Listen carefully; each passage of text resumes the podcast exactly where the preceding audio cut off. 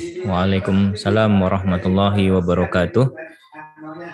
Terima kasih Ustaz Khalid atas materinya pada pagi hari ini. Dari dua ayat tadi saya paling uh, besar mengambil kesimpulan memang kesabaran itulah yang harus dimiliki oleh para orang-orang yang ingin memberikan kebaikan, orang ingin yang menyiarkan agama Allah ini.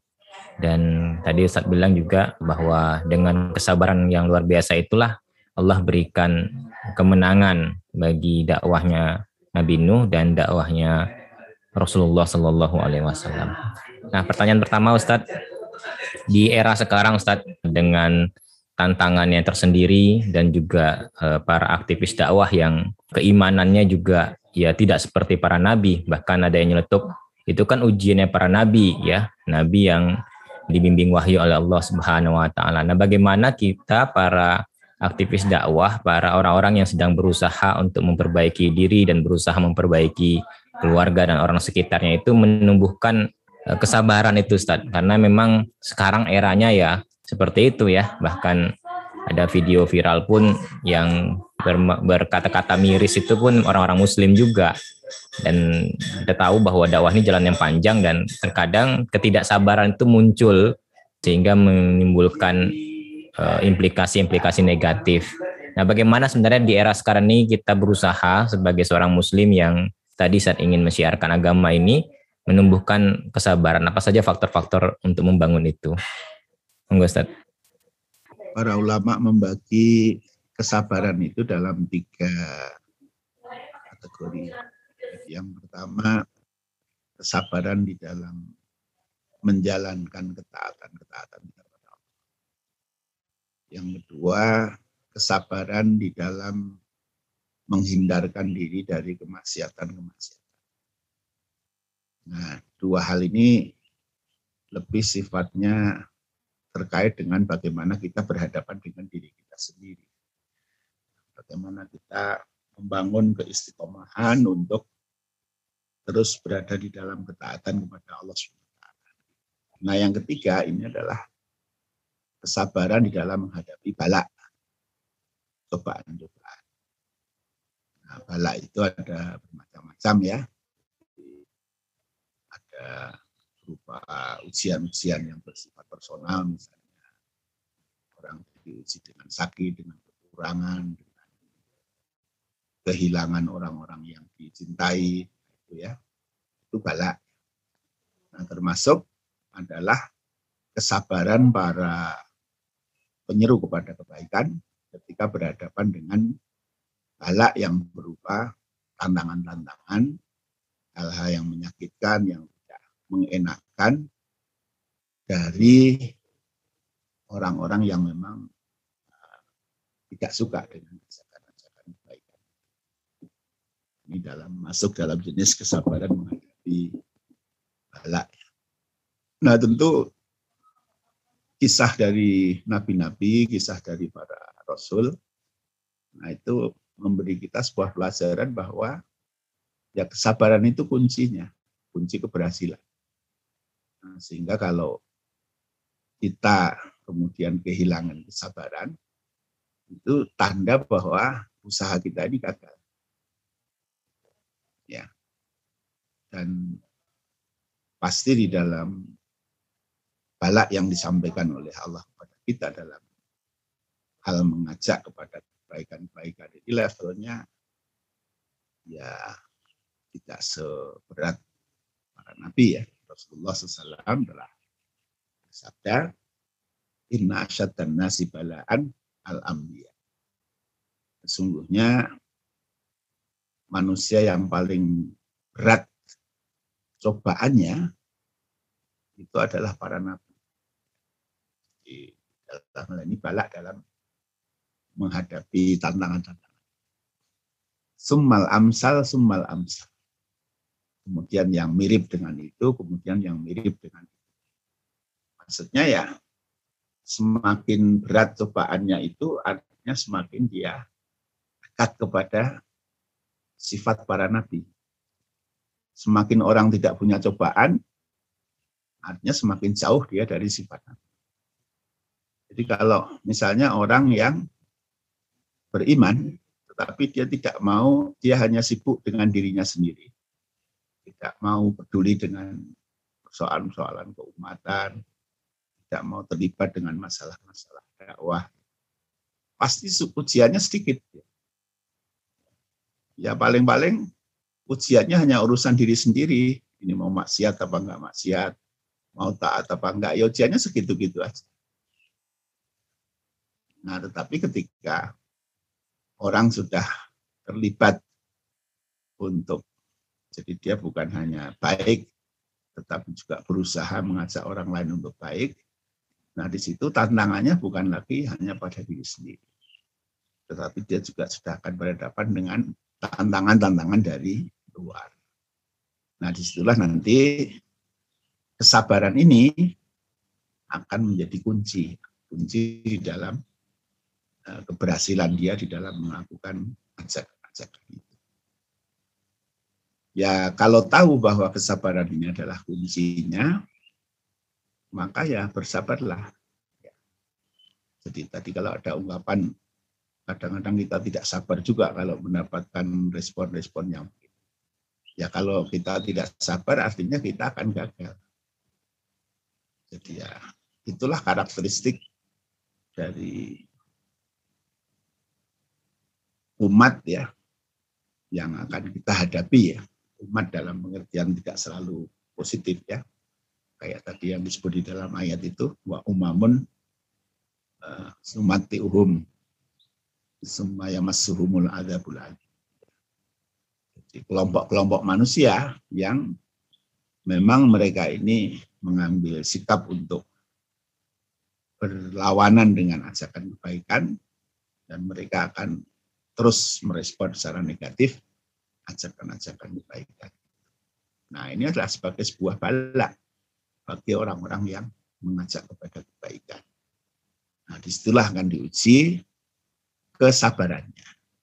Mungkin ada yang sabar, kemudian ada yang tidak sabar.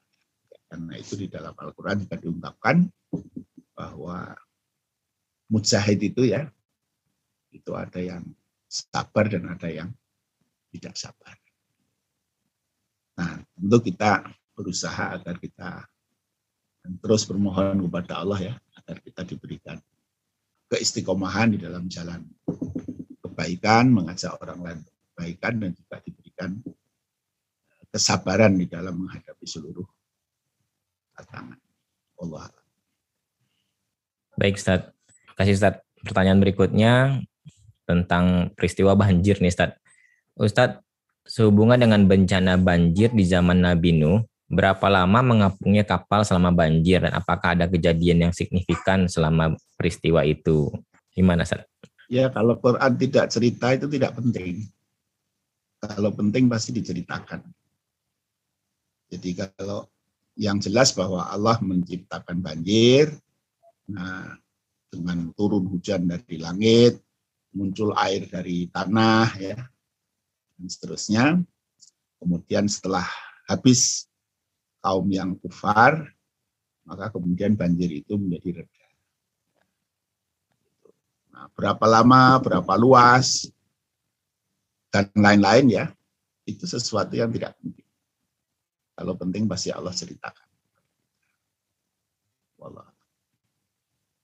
Pertanyaan kedua, untuk kehidupan sekarang, apa faktor yang menyebabkan sehingga karakter manusia terbagi dua seperti yang tadi dalam materi, supaya kami bisa menjauhi dan meninggalkannya agar selamat di akhirat kelak. Yang membangkang-membangkang itu Ustaz. Ya, Allah kan sebenarnya ber... Allah kan beri kita manusia ini pilihan. Jadi setiap kita diberi oleh Allah pilihan. Wahadainahum nastain. Jadi ada fa'alhamaha fujuraha wa taqwa. Ini dari segi internal manusia. Kemudian dari sisi eksternalnya, Allah beri juga satu petunjuk-petunjuk Allah melalui wahyu, melalui ajaran-ajaran. Yang kedua juga godaan-godaan setan. Dan ini juga sudah diceritakan oleh Allah pada kita. Kita diberi pilihan di dalam kita diberi bentuk penyadaran mana baik, mana buruk, ya, di luar juga diberitahukan oleh Allah pada kita. Ada tuntunan-tuntunan Allah yang membawa kita kepada jalan kebaikan, tetapi juga ada setan yang terus berusaha untuk menghalangi kita dari jalan Allah ini. Nah, kemudian kembalinya kepada pilihan kita. Nah, kita akan mengikuti yang pilihan-pilihan baik yang membawa kepada kebaikan kita di dunia atau di akhirat. Ini banyak hal yang tidak menyenangkan. Atau kita akan menuruti pilihan-pilihan yang lebih banyak yang menyenangkan, tapi ini akan membawa keburukan. Sebagaimana ungkapan Rasulullah, huffatil jannatu bil makarih, wa huffatin naru bisyahawat. Di surga itu dilingkupi oleh hal-hal yang tidak menyenangkan, sedangkan neraka itu dilingkupi oleh hal-hal yang menyenangkan. Nah, akhirnya pilihan kita yang mana? Apakah kita akan memilih jalan sulit yang membawa kepada kebaikan atau jalan mudah menyenangkan yang tetapi kita tahu itu akan membawa kepada hal-hal yang berakibat buruk bagi diri kita. Akhirnya kembali kepada kita masing-masing. Waman sya'af. Yang mau beriman ya silahkan beriman jalan yang juga Allah sudah tunjukkan. Yang mau kafir juga silahkan kafir. Dengan jalan yang Allah juga sudah tunjukkan dalam Jangan berpikir mengambil jalan kekafiran, tetapi sampainya ke surga. Itu tidak ada cerita. Ya, kalau mengambil jalan kekafiran ya pasti ke Kalau jalan keimanan insya Allah pasti akan surga. Itu kembali kepada pilihan. Baik, Ustaz. Pertanyaan berikutnya. Mohon penjelasan Pak Ustadz, agama yang diturunkan kepada Nabi Nuh itu, Nabi Nuh alaihissalam, itu agama Islam apa ada agama yang lain kecuali selain Islam? Ya, prinsipnya adalah prinsipnya adalah Nabi Nuh mengajak umat manusia waktu itu untuk bertauhid. Bertauhid itulah prinsip dari yaitu tunduk atau taat sesuai dengan syariat kata para nabi pada zaman itu. Nah, kalau ketundukan kepatuhan itu disebut sebagai Islam, maka ya, ya sebagian ulama yang menyebut agama dari seluruh. Tidak ada ajaran. Jadi prinsipnya yang namanya agama, adin itu ketundukan kepada Allah. Saja tidak ada yang lain. Jadi tidak ada ajaran agama yang lain selain tunduk patuh taat kepada Allah, bertauhid Dan seluruh nabi-nabi juga diajarkan dengan prinsip yang sama yaitu mengajak umatnya untuk beriman, bertakwa kepada Allah Subhanahu wa taala. Tidak ada ajaran yang lain. Nah hanya saja ajaran pada setiap nabi bisa berbeda-beda ya teknisnya. Tetapi prinsipnya adalah manusia diajak taat kepada Allah sesuai dengan ajaran yang diajarkan Allah pada zaman. Cukup Ustaz, sudah jam 7 kalau jam saya. Apa satu pertanyaan lagi atau Ustaz kesimpulan? Baik, kalau dirasa cukup ya kita cukupkan ya. Jadi mudah-mudahan eh, kita bisa mengambil pelajaran dari kisah Nabi Nuh itu tentang bagaimana kesabaran Nabi Nuh di dalam mengajak umatnya untuk berdakwah, eh, mengajak umatnya untuk beriman ya.